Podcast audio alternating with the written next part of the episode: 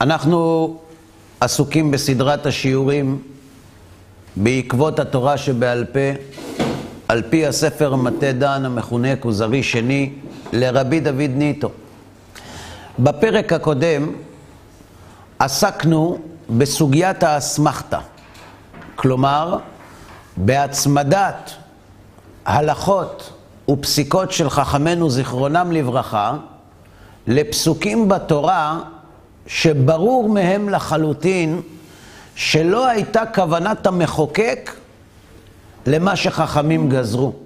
ולמרות זאת, הם מסמיכים את הפסיקות שלהם לפסוקי התורה. מכאן יכול להתעורר חשד כאילו, חלילה, חכמי ישראל ביקשו לטשטש את המקור הרבני של הפסיקה ההלכתית ולייחס אותו לתורה ובכך לגרום לבני האומה לקיים את הדברים מתוך אמונה שמדובר בדרשות המופיעות בתורה. והוא הביא כמה דוגמאות, ועסקנו בהן בשיעור הקודם. בשיעור הזה אנחנו נעשה הפסקה אה, מהלימוד הרציף שלנו בספר כוזרי שני, ונעבור לעסוק בהרחבה בסוגיית האסמכתה. כי הסוגיה הזאת, כפי שאמרנו בשיעורים הקודמים, היא סוגיה מורכבת, ויש לה השלכות על תפיסת בני האדם מצורת הפסיקה של חז"ל.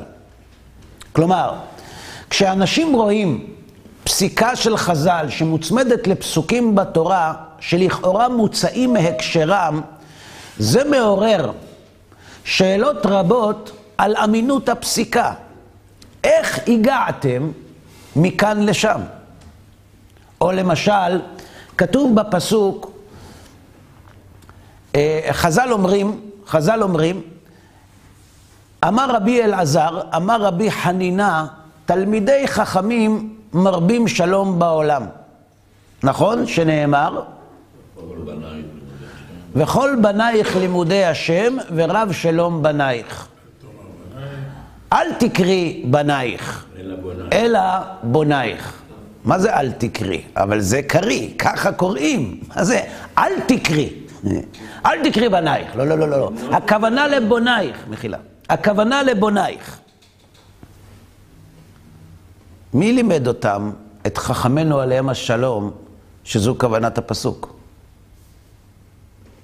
האם לזה התכוון כותב הפסוק? בוודאי שלא. הוא אמר בנייך, לא בונייך. כלומר, צורת הלימוד האסמכתאית גורמת לאנשים להרים גבה ולשאול מה בדיוק קורה כאן. אבל דבר אחד ברור, ואת זה צריך לומר כבר מראש. כשחכמי ישראל מצמידים פסיקה הלכתית לפסוק מן התורה שמוצא מהקשרו, הם בוודאי לא מבקשים להשוות לפסיקה שלהם דין תורה. א', כי יש איסור בל תוסיף.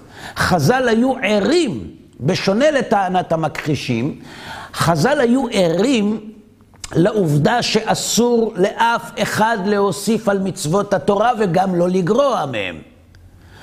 אם כך, כשהם מצמידים הלכה שהיא ללא ספק מחודשת על ידי חכמים לפסוקי התורה, הם כביכול מוסיפים מצווה על הכתוב בתורה ועוברים חלילה על, ברטוס, על בל תוסיף. לכן, ברור לחלוטין שכשחז"ל מצמידים פסוק לתורה, הם לא מבקשים לטשטש את עקבות הפסיקה, מסיבה פשוטה, כי הם בעצמם יודעים שאסור להוסיף על הכתוב בתורה. אז מה המשמעות של האסמכתה הזאת? אנחנו רואים, חז"ל פוסקים הלכה. האם חז"ל צריכים למצוא סעד, תמיכה בתורה לפסיקה שלהם?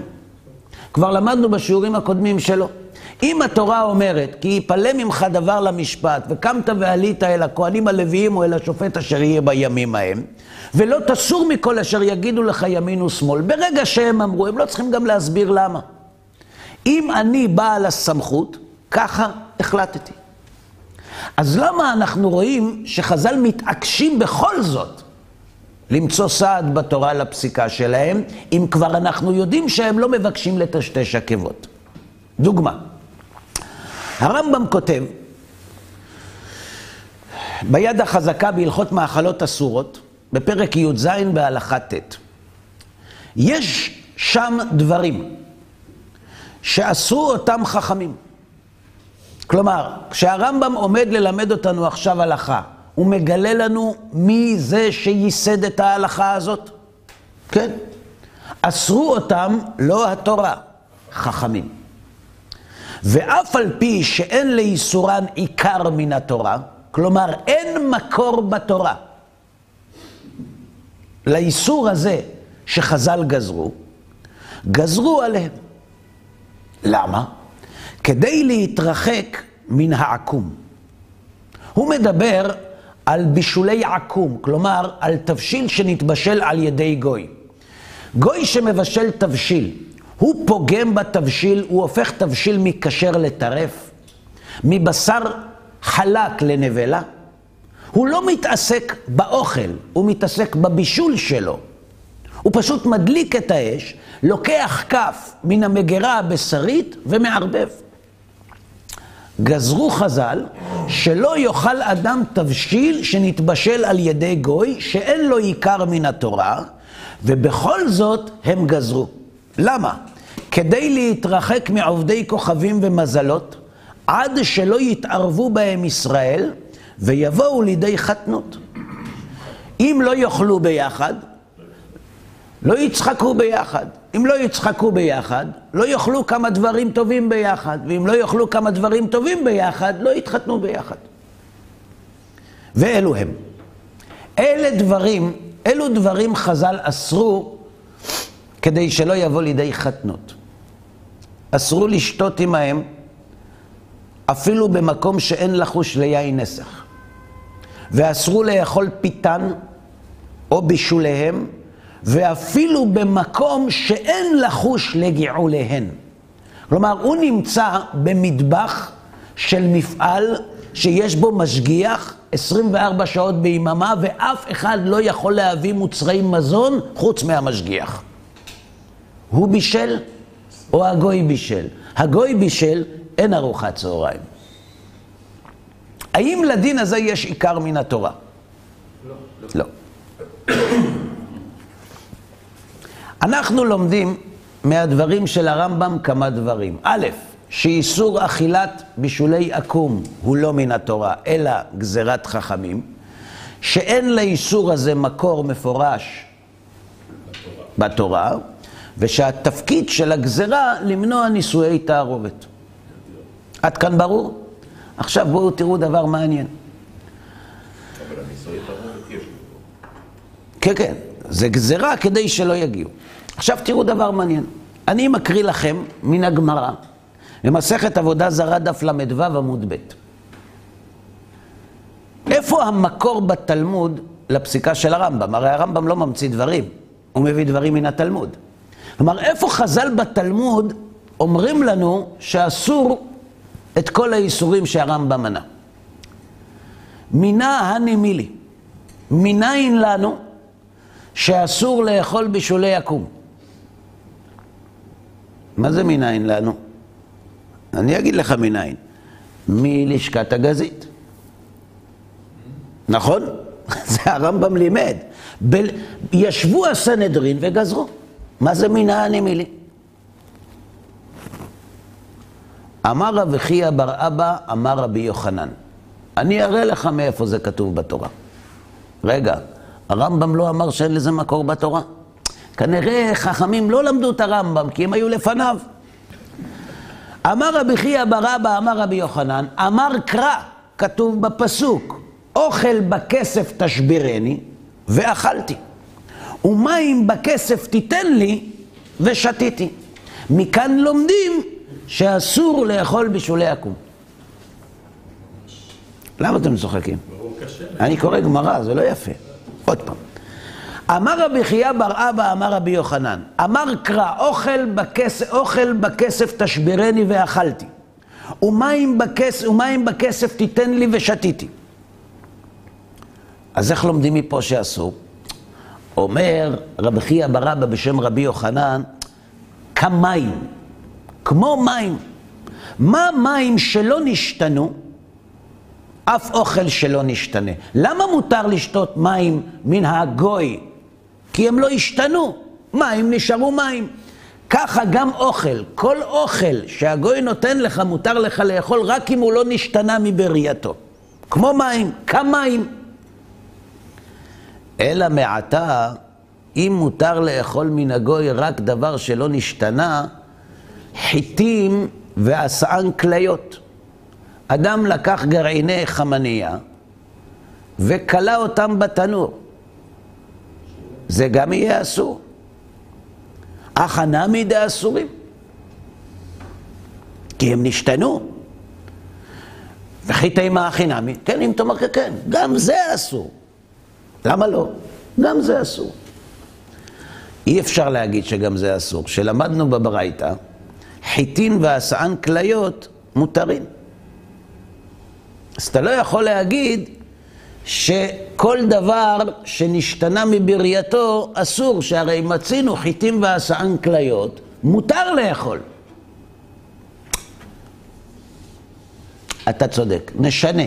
אלא כמים. כמים מה? לא כמים הקודם, שלא נשתנו, כך כל מה שלא נשתנה, כי נכנסנו לפינה. נביא, נביא הסבר אחר. כמים. מה מים שלא נשתנו מבראייתם, אף אוכל שלא נשתנה מבראייתו. יש הבדל בין מים לבין כליות. הכליות נשתנו מבראייתם.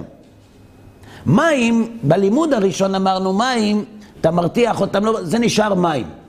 אבל כל דבר שלא נשאר כמו שהוא אסור. פה אני אגיד לך משהו אחר. כל דבר שלא נשתנה מבראייתו מותר, ואם האוכל לא נשתנה מבראייתו, אסור. זה נכון שזה יתבשל, אבל זה נשאר באותה צורה. חיטים ועשאן כליות לא נשתנו מבראייתן, לא נשתנו צורתן, זה מותר. שואלת הגמרא, אלא חיטים ותחנן, הכי נמי דאסורים. מי שטוחן את החיטים, לא כולא אותם, שינה ממראיהן או לא, שינה מבראייתם. וחיטי מה הכי נמי? אם תגיד כן, גם זה באמת יהיה אסור, אי אפשר. חיטים ועשן כליות למדנו, הקמחים והסלטות שלהם מותרים. אז ירקות מותר. אני לא יודע, אני מדבר על חיטים. אתם מבינים את הבעיה? איפה שהוא לא הולך, הוא מגיע לשח. בהתחלה הוא אמר, מה מים שלא נשתנו, כל אוכל שלא נשתנה. חיטים ועשן כליות. מה? אלא חיטים ועשן כליות, הכנה מידי אסורים. יהיו אסורים, למה? כי הם נשתנו. אומר לא, כתוב במפורש שמותר. אה, אז נשתנו מבראייתם, כלה אותם, טחן אותם. למדנו שמותר. אז מה נעשה? אלא כמים. ניסיון שלישי. מה מים שלא נשתנו מבראייתן על ידי האור? אף אוכל שלא נשתנה מבראייתו על ידי האור. לא כל שינוי של האוכל אוסר אותו. צריך שהאוכל ישתנה על ידי האור. טחן חיטים זה לא על ידי האור. הוא כוונה לאש. כן. ההוא זה הגול? שואלת, אור זה אש. שואלת הגמרא, מידי אור כתיב? כתוב, אוכל בכסף תשברני ואכלתי, מים בכסף תיתן לי ושתיתי. אלא מדי רבנן. אז שכחנו, אין לזה מקור בתורה. אז למה מביאים פסוק? אסמכתא בעלמא. אני רוצה לשאול אתכם שאלה. כשחז"ל, כשרבי חייא בר אבא אמר בשם רבי יוחנן את הדין שלו, הוא ידע מה המקור של איסור בשולי עקום או לא ידע? ידע. סביר להניח שידע. והוא עושה עצמו כאילו הוא אינו יודע ומחפש מקור בתורה, ולא מוצא. מביא פסוק, ושואלים איך הוא לומד מהפסוק הזה, כאילו מהפסוק הזה אנחנו לומדים שאסור לאכול בשולי עקום. ובאים חז"ל ושואלים על זה, אי אפשר לומר, מה הם נשתנו? נשתנו בברייתן, נשתנו על ידי האור. האמת אין, אין מקור. אין מקור, זה לא קשור, הפסוק הזה לא קשור לבישולי עקום. באמת זה אסור מדי רבנן וקרא אסמכתא בעלמא. מה זה אסמכתא בעלמא? להזכיר לנו, להזכיר.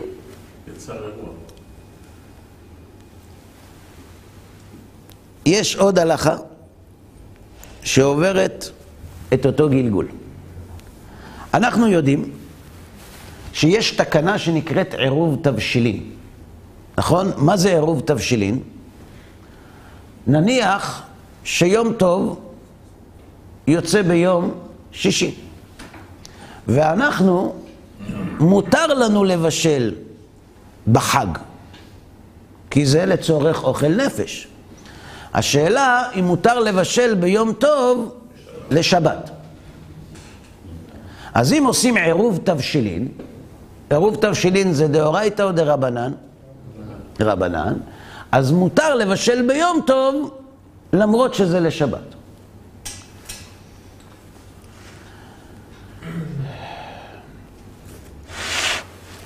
בהלכה הזאת מעורבות ביחד גזירת חכמים ותקנת חכמים.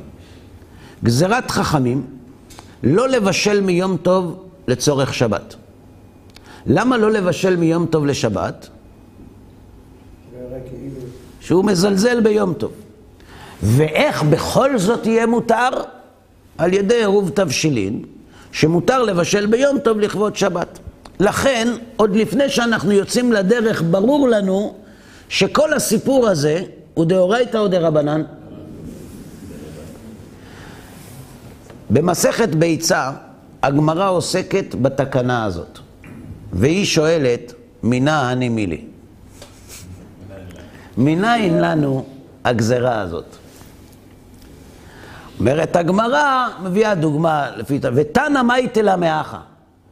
התנא מביא ראייה מן הפסוק. את אשר תופו, אפו. איפה זה כתוב? פרשת השבוע. את אשר תופו, אפו. ואת אשר תבשלו, בשלו. זה נאמר בפרשת המן. כאשר משה מספר להם שעומד לרדת לחם מן השמיים. גם כאן אנחנו רואים שחז"ל מחפשים פסוק כדי לסמוך עליו את התקנה, ושוב מתעוררת השאלה. אם האסמכתה או הגזרה, אם אנחנו מסמיכים את הגזרה לפסוק, וזה דרבנן, בשביל מה צריך פסוק? הרי ברור לחלוטין שכשמשה רבינו אמר לבני ישראל את אשר תופו אפו, הוא לא דיבר איתם על עירוב תבשילין. כי אם הוא היה מדבר איתם זו לא הייתה גזירת חכמים, זה דין תורה. אז למה צריך פסוק? הצורה הזאת, מינה הנימילי מבלבלת, כאילו חז"ל רוצים מצד אחד לקחת את הדין שלהם ולתת לו מעמד של תורה, אבל בסוף המשא ומתן ההלכתי הם אומרים, בעצם זה מדי רבנן. זה לא מובן. בשבוע שעבר, שמביאים פסוק רק בשביל להזכיר, שנזכור. ש- בגלל מה שלמדנו שבוע שעבר, אנחנו לומדים השבוע. זה בדיוק העניין. אנחנו רוצים להבין את סוגיית האסמכתא יותר לעומק. בסדר? הרמב"ם במורה נבוכים מתייחס לסוגיית האסמכתא. והוא למעשה מציג את הדעות השונות של בני אדם כשהם נתקלים לראשונה באסמכתא. אנשים שלא מכירים את צורת הלימוד של חז"ל, דומים בעיניי לאנשים שלא מבינים את השפה המשפטית וקוראים פסק דין. לפעמים אנחנו שומעים בחדשות, אה, פסק הדין מתפרס על פני 87 עמודים. עשה לי טובה, יש שורה תחתונה. מה אתה עכשיו מביא לי 80? כל, אתה הולך לעורך דין, אתה, הכל והועיל שלו זה הרבה כסף. אתה לא יכול לתת שורה תחתונה. מי שלא מבין את שפת הלימוד של חז"ל יכול להתבלבל. ועליהם מדבר הרמב"ם. והוא כותב את מה שאתה אמרת ואת מה שאנחנו למדנו בשיעור הקודם. בואו נראה את לשון הרמב"ם. הוא כותב את הדברים האלה בהסבר שלו על מצוות ארבעת המינים במורה נבוכים בחלק ג' בפרק מ"ג. והוא כותב כך: אמנם ארבעת המינים שבלולב כבר זכרו זיכרונם לברכה בו קצת סיבה על צד הדרשות. כלומר, בתורה כתוב, ולקחתם לכם ביום הראשון פרי עץ אדר, כפות מרים, ענף עץ אבות וערבי נחל. ארבעת המינים, אנחנו יודעים מה הם? כן. אבל הם, זיכרונם לברכה, זכרו בו קצת סיבה על צד הדרשות. שדרכם ידוע למי שהבין דבריהם. וזה שהם אצלם כדמות מליצת השיר. לא שהדבר ההוא עניין הפסוק ההוא.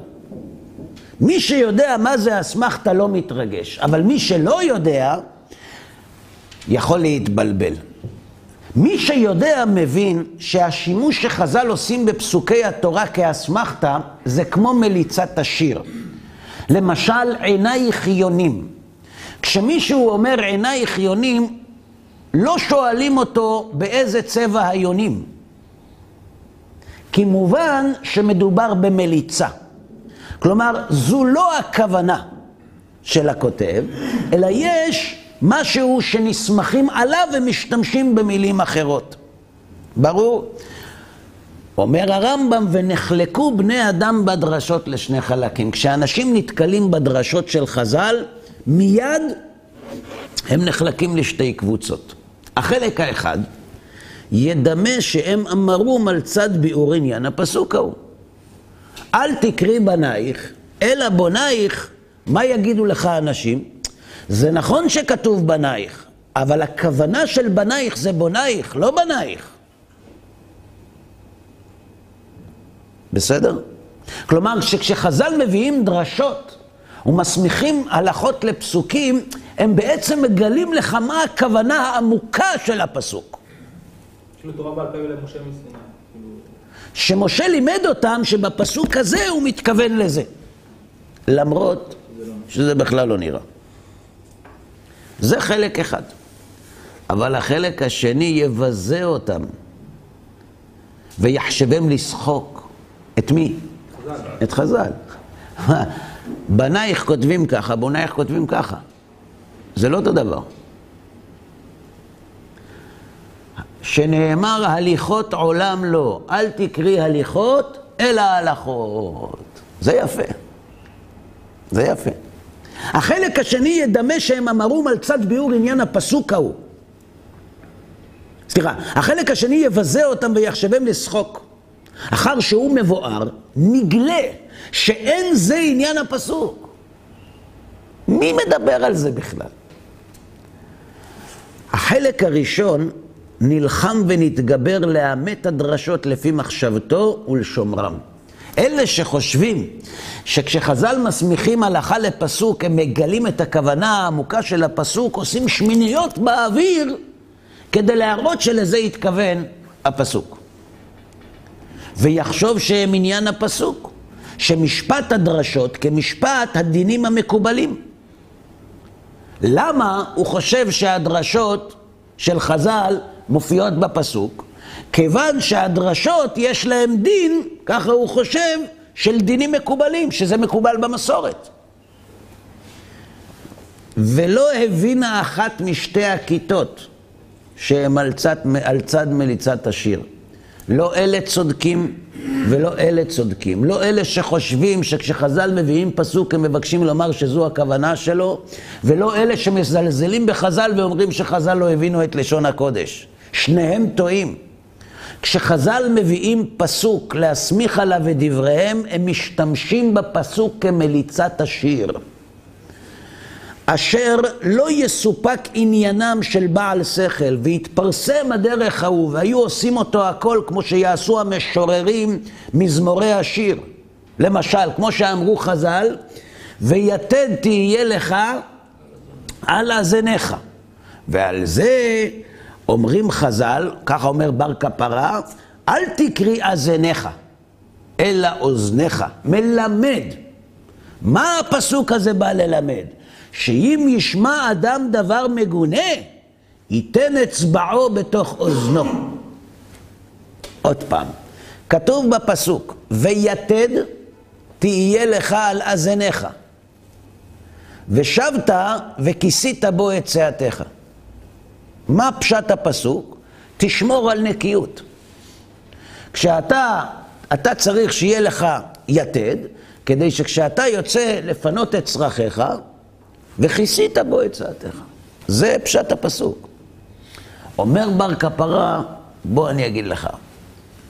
כתוב בפסוק, ויתד תהיה לך על אזניך, אוזניך. יתד תהיה לך על אוזניך. למה צריך יתד לאוזן? Hmm. אם תשמע לשון הרע, אם תשמע רכילות, אם תשמע ניבול פה, שים את האצבע באוזן. זו כוונת הפסוק. כותב הרמב"ם, ואני תמה, אם זה התנא, אצל אלו השכלים, כן יחשוב פירוש זה הפסוק, ושזאת היא כוונת, זאת המצווה, ושהיתד הוא האצבע, והאזניך הוא האוזניים? איני חושב שאחד ממי ששכלם שלם יחשוב זה. אדם רציני לא חושב שזה כוונת הפסוק. אז למה בר כפרה משתמש בפסוק הזה? היא מליצת שיר, נאה מאוד, והזהיר בה על מידה טובה. והיא כמו שאסור לומר דבר מגונה, כן אסור לשומעו. אין איסור לשמוע. יש חוק איסור לשון הרע, נכון? אדם עולה לשידור ומברך הרבה ברכות, אדם מסוים. ואז תובעים אותו תביעת דיבה. ומה עם אלה ששמעו? אני לא דיברתי, שמעתי. אין איסור.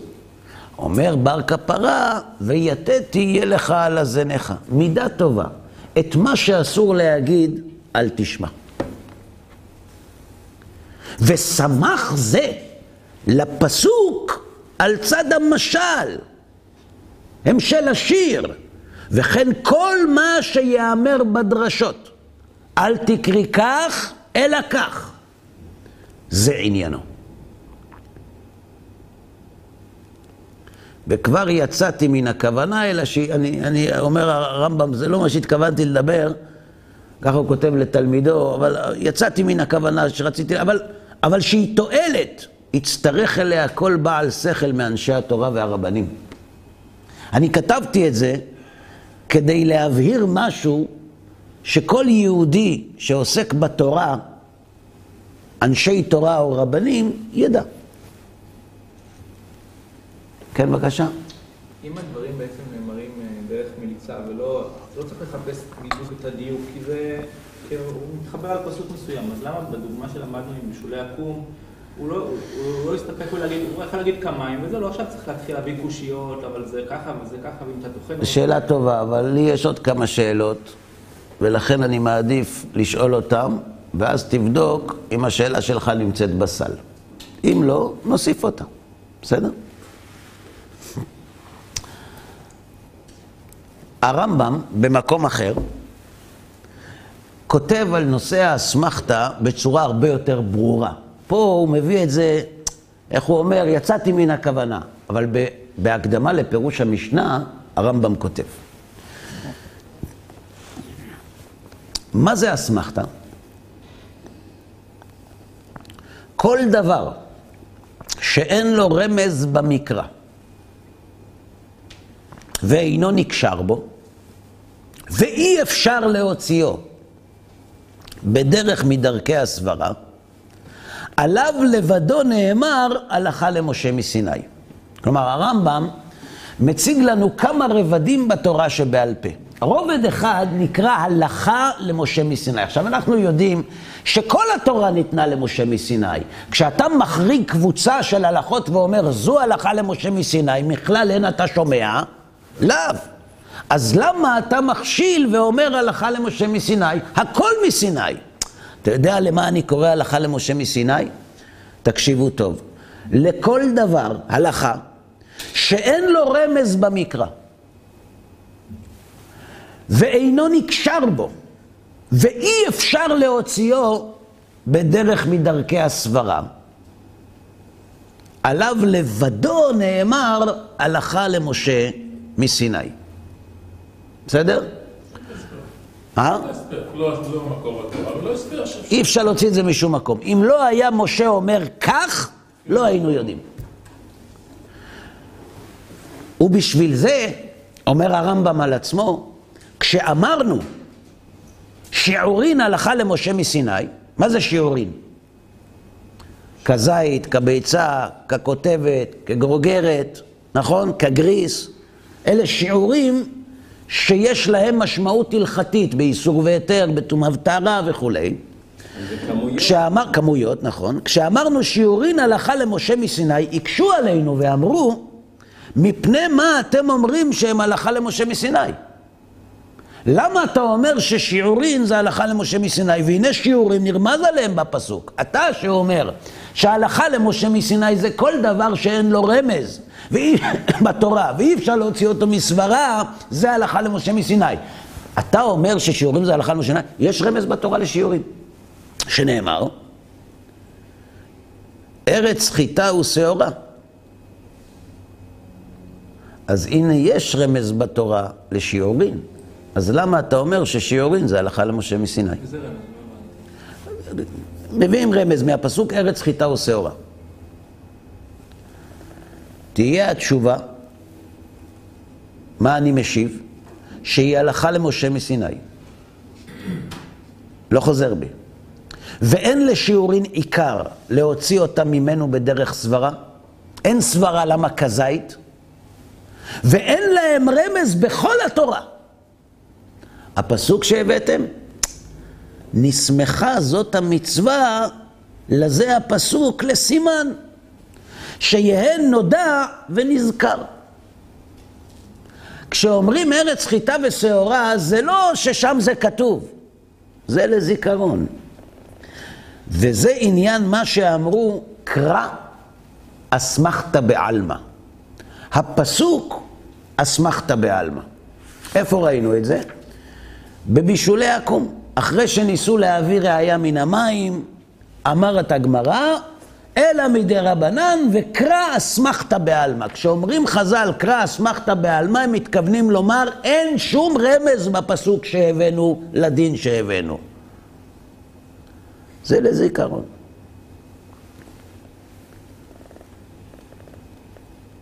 וזה עניין מה שאמרו קרא אסמכתא בעלמא בכל מקום שיזכרו, שאין מהם אפילו אחת שהוציאוה בדרך סברה.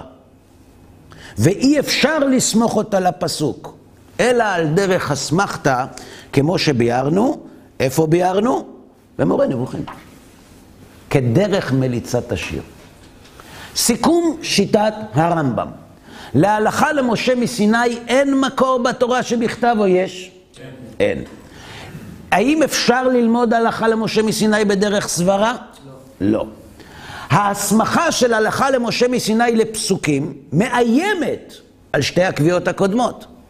כי ההסמכה לפסוק לכאורה מראה שיש מקור בתורה, נכון? אם כך, איפה, מהי הייחודיות של ההלכה למשה מסיני? נתון רביעי, תכלית ההסמכה לפסוקים היא לזיכרון בלבד. האם עד כאן זה ברור? שיטת הרמב"ם ברורה? היא למעשה השיטה שמציג הכוזרי השני, רבי דוד ניטו עליו השלום, ובגישה הזאת מחזיק גם בעל מחבר ספר להגנת הדת המשפל, המושפלת והבזויה, הלא הוא רבי יהודה הלוי. וכך הוא כותב בספרו. או הוא כותב, אומר החבר למלך, שהשתמשו בפסוקים על הדרך הנקראת אצלם אסמכתא. יש שימוש שחז"ל עושים בפסוקי התורה במנגנון ייחודי שנקרא אסמכתא. שאינו כי אם סימן לדבר שהיה ידוע להם בקבלה. אגב, למה חשוב לקרוא דברי רבי יהודה הלוי? הרי כבר קראנו את זה ברמב"ם. כי הוא חי לפניו. בסדר? רבי יהודה הלוי? כן, נראה, עושה רושם. כן. אם הוא למד עם רבי מימון אצל רבי יוסף אבן מיגס, ורבי מימון היה אבא של הרמב"ם, הוא היה לפניו. יפה. או שהשתמשו בפסוקים על דרך הנקראת אצלם אסמכתה, שאינה כי אם סימן לדבר שהיה ידוע להם בקבלה. כך ביארו את הפסוק, תקשיבו טוב, ויצב אלוהים על האדם לאמור, מכל עץ הגן אכול תאכל, מכאן אומרים חכמים רמז לשבע מצוות שנצטוו בני נוח. בדורשם, איך הוציאו מכאן? תקשיבו טוב. ויצב, עוד פעם, אני קורא את הפסוק. ויצב השם אלוהים על האדם לאמור, מכל עץ הגן אכול תאכל. אומרים חז"ל, ויצב אלו הדינים. דיני ממונות. השם זה ברכת השם. אלוהים, עבודה זרה. על האדם, שפיכות דמים. לאמור, זה גילוי עריות. מכל עץ הגן, זה גזל, אכול תאכל זה עבר מן החי. פשוט נפלא. לא. זה מקורי מאוד, צריך להודות. אומר רבי יהודה הלוי עליו השלום, מה רב המרחק בין העניינים האלה ובין הפסוק הזה? אין זאת, כי אם קבלה היה בידם עניין שבע מצוות אלו, וסמכו על הפסוק הזה דרך סימן, למען הקל בזה על זכירת המצוות. כלומר, למה הוא אומר, אין זאת כי אם קבלה היה בידם? כלומר, זה איזה סוג של מסקנה לוגית, נכון? לא משהו ודאי. אין זאת כי אם. למה? אנחנו שמאמינים באמיתות התורה שבעל פה, ברור לנו שכשחז"ל אומרים שבע מצוות, הם קיבלו את זה ממשה רבנו. אבל הוא פונה אל הכוזרי. הכוזרי מסופק. הכוזרי לא יכול להישען על קבלה ומסורת כי לא הייתה לו. אז הוא פונה אל השכל שלו, והוא אומר, תראה, חכמים היו חכמים. אם לנו ברור שהפסוק הזה לא מדבר על שבע מצוות, סביר להניח שגם הם לא ניסו להצמיח את שבע המצוות שלהם מן הפסוק הזה. או במילים אחרות, אם חס וחלילה חז"ל היו רוצים להמציא לבני נוח שבע מצוות, הם היו מוצאים בתורה מקור יותר רציני, יותר משכנע ופחות מפוקפק. כי זו פרצה הקוראת לגנב. יבוא בן אדם, ישאל, תגידו לי, איפה אצלכם בתורה כתוב שאני הגוי צריך לשמור שבע מצוות בני נוח? זה לא כתוב בפסוק, ויצב השם אלוהים על האדם לאמור מכל עץ הגן, אכול תאכל. הוא יעשה סיבוב וילך מקום אחר. זה לא משכנע. אומר החבר לכוזרי בספרו של רבי יהודה הלוי, אין זאת כי אם קבלה היה בידם. זאת אומרת, זה ששבע מצוות בני נוח הם שבע מצוות בני נוח, זו קבלה, היא עוברת במסורת. זה לא כתוב בפסוק הזה. מי שרוצה חס ושלום לשקר, עושה את זה בצורה קצת יותר מתוחכמת. עכשיו, לחשוד את חז"ל שהם לא היו חכמים וחשבו שמהפסוק הזה מוציאים שבע מצוות, זה גם לא יכול להיות.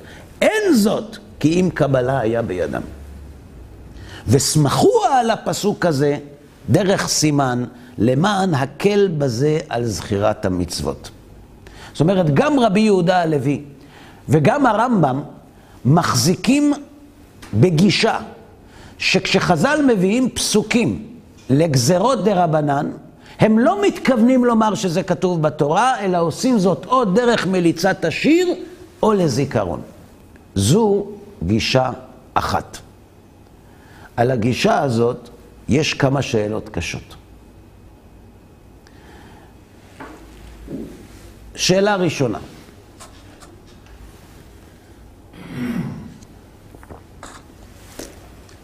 אם כל הסיבה זה זיכרון ומליצת השיר, מהו צמד המילים מינה הנימילי? מינלן. הרי כולנו יודעים שזה לא מינלן, זה מינן. זה לא מהפסוק. למה חז"ל שואלים על גזירת חכמים מינלן? תגיד, כך גזרו חכמים, מביאים פסוק, אסמכתה בעלמא. נכון? למה אתה הולך לחפש בתורה מקור? בשביל מה? תביא פסוק ונגמור. שאלה שנייה. בהרבה מקומות הגמרא מפלפלת הרבה בגזרות חכמים ומחפשת את המקור בפסוק, וידוע שאינן אלא תקנות חז"ל, נכון? והם נסמכו לסימן ולזיכרון בלבד. אז למה הגמרא מתעקשת למצוא את המקור? הרי אין מקור אחד עדיף על חברו. תביא פסוק ונמשיך הלאה. שאלה שלישית, יש הרבה פעמים שחכמי התלמוד נחלקים על אסמכתאות. וכל חכם מביא ראייה ממקום אחר. זה מביא ראייה מן הפסוק הזה, זה מביא ראייה מן הפסוק הזה. והשאלה היא, אם כל הסיפור של אסמכתאות זה לזיכרון, למה אתם חולקים ביניכם? אין מספיק מחלוקות חוץ מזה. מצינו פעמים רבות שחכמי התלמוד לא מאפשרים לסמוך דין שלהם על פסוק, כי הם טוענים שהפסוק הזה נצרך ללימוד אחר. ולרבי יהודה, שואלת הגמרא, לרבי יהודה הרי הפסוקים הם סמוכים והוא לא דורש סמוכים. מה יעשה רבי יהודה? מה אכפת לך? סמוכים, לא סמוכים. למה לא דורשים סמוכים? מה הכוונה? שני פסוקים שסמוכים, שני נושאים שסמוכים זה לזה. מה החשיבות של הדבר? מה זה משנה? כלומר, הצד השווה שבכל השאלות האלה, אם כל הסיפור זה המליצת השיר והזיכרון, אתה רואה שחז"ל משקיעים המון אנרגיה בניסיון למצוא פסוקים, ומשקיעים המון זמן. למה? אם הם מתעקשים, יכול להיות שזה לא רק לזיכרון, שהם כן מחפשים איזשהו משהו בפסוקים האלה. כי אם זה רק לזיכרון, אז אתה רוצה לזכור באיזה עמוד 517, נכון? עמוד 517 זה תק, נכון? טוב. תק טוב. אז תקרא לזה טוב טק. עכשיו יש לך סימן. לא, צריך לחפש סימן אחר. למה? בשביל מה? יש לך סימן? מספיק. והשאלות האלה מביאות שניים מגדולי עולם, שאומנם היו אחרי הרמב"ם ואחרי רבי יהודה הלוי.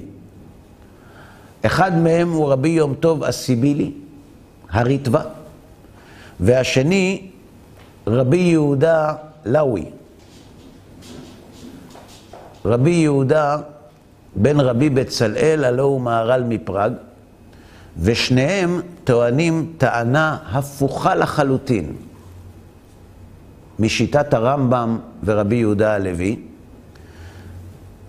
ואנחנו נביא את השיטה הזאת בשיעור הבא, ואחר כך נשאל, אז מה באמת עושים? כי מהר"ל מפראג והריטב"א טוענים שכשחז"ל מחפשים פסוקים ואומרים אסמכתה, זה לא רק לזיכרון. הם מתעקשים להראות שלזה התכוונה התורה. כדעת אלה שהרמב"ם מונה בקבוצה הראשונה.